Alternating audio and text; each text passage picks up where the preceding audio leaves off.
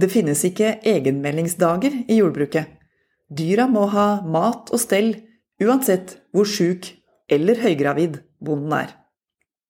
Jeg heter Anne Ekornholmen og er politisk redaktør i Nasjonen. I dag er det 16. september. Grisebonde Anne Helene måtte lære opp 15 forskjellige avløsere på ett år. Da er hun i praksis arbeidsgiver, ikke mammaperm. Det kan virke som kvinner og barn kommer først, mange steder. Men ikke i jordbruket, eller? Natt til mandag sto Anne Helene Sommerstad Brusrud i fjøset i Andebu og dro ut grisunger. Natt til onsdag var det hun sjøl som fødte. I ettertid ser jeg at en del oppgaver burde vært gjort av andre, sier heltidsbonden.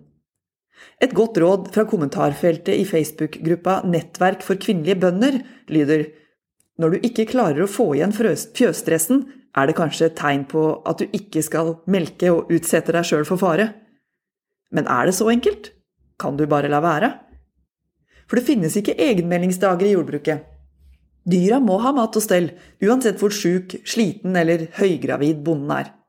Det kommer ikke automatisk eller kostnadsfritt en vikar som tar arbeidsoppgavene dine mens du spyr av svangerskapskvalme eller trenger krykker for bekkenløsing.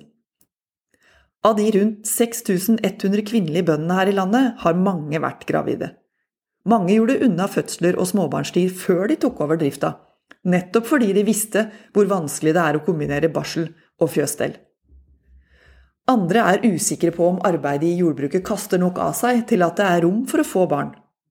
Årets unge bonde, 29 år gamle Sofie Rebekka Høybakk, har ei datter og innrømte under Kvinner i landbruket på Dyrskuen at hun og mannen kanskje ikke makter en graviditet til når økonomien er så usikker og arbeidsmengden så stor. Det er dramatisk for rekrutteringa til matproduksjon her i landet og for bosettinga i distriktene. Ordningene er verken strømlinjeforma, enkle eller tilstrekkelige. Det trengs mer lett tilgjengelig informasjon om rettigheter og muligheter, bedre rådgivning om den støtta som faktisk fins. Grisebonde Bruserud roser avløsertjenesten i Vestfold og Telemark, men hun måtte altså lære opp 15 forskjellige avløsere i løpet av et år. Da er hun jo i praksis arbeidsgiver og ikke i mammaperm.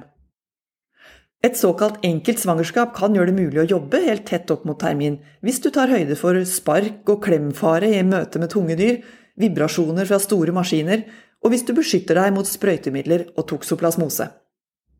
Men der lærere, sykepleiere og kontoransatte tar permisjon tre uker før termin, så er bønder sjølstendig næringsdrivende. Med en jobb det kan være farlig å ikke ta permisjon fra. Og uten en arbeidsgiver som kan gi dem perm. Er systemet egentlig tilpassa at kvinner kan være bonde? spør melkebonde Nora Sandberg på Hamar. Hun mener systemet ikke fungerer bra nok, og var sjøl tilbake i fjøset fire dager etter fødsel. Men hva hvis du har vært gjennom et keisersnitt? Hva når babyen må ammes, har kolikk eller rett og slett trenger at mor bytter bleier i stedet for å kjøre rundballer?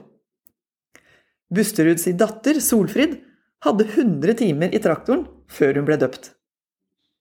Skal drifta og arbeidshverdagen fungere og økonomien gå rundt, også når ungen er kommet til verden, så er det best altså å være i god form og få en unge som godtar å sove i et sjal på magen til mamma.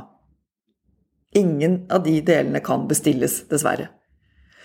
De fleste næringer og samfunnsområder har opparbeida likestillingsbevissthet, og dette er et likestillingsspørsmål.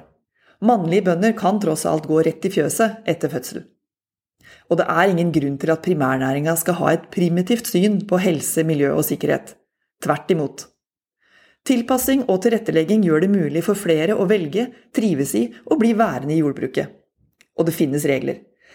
Ved akutt sykdom, inkludert fødsel og krise, har alle rett på landbruksvikar i 14 dager. Og fra 2023 øker avløsertilskuddet til 2100 kroner dagen. Men det henger ikke på greip at sykepenger fra Nav som gjelder inntekt fra en annen jobb, blir trukket fra dagsatsen i landbruket. Det gjør at mange bønder i praksis blir stående uten støtte. Leder i Hurdal landbrukslag, Frank Hoel Knai, påpekte det her på Bondelagets årsmøte tidligere i år. At hvis man er avhengig av to inntekter når man er frisk, så er det opplagt og innlysende at du også er avhengig av to inntekter når du er sjuk. Avkortingsregelen må fjernes. Han får støtte fra daglig leder i Norske landbrukstjenester, Frode Alfarnes. Økonomisk usikkerhet skaper bekymringer og kimete psykiske plager. Helt unødvendig.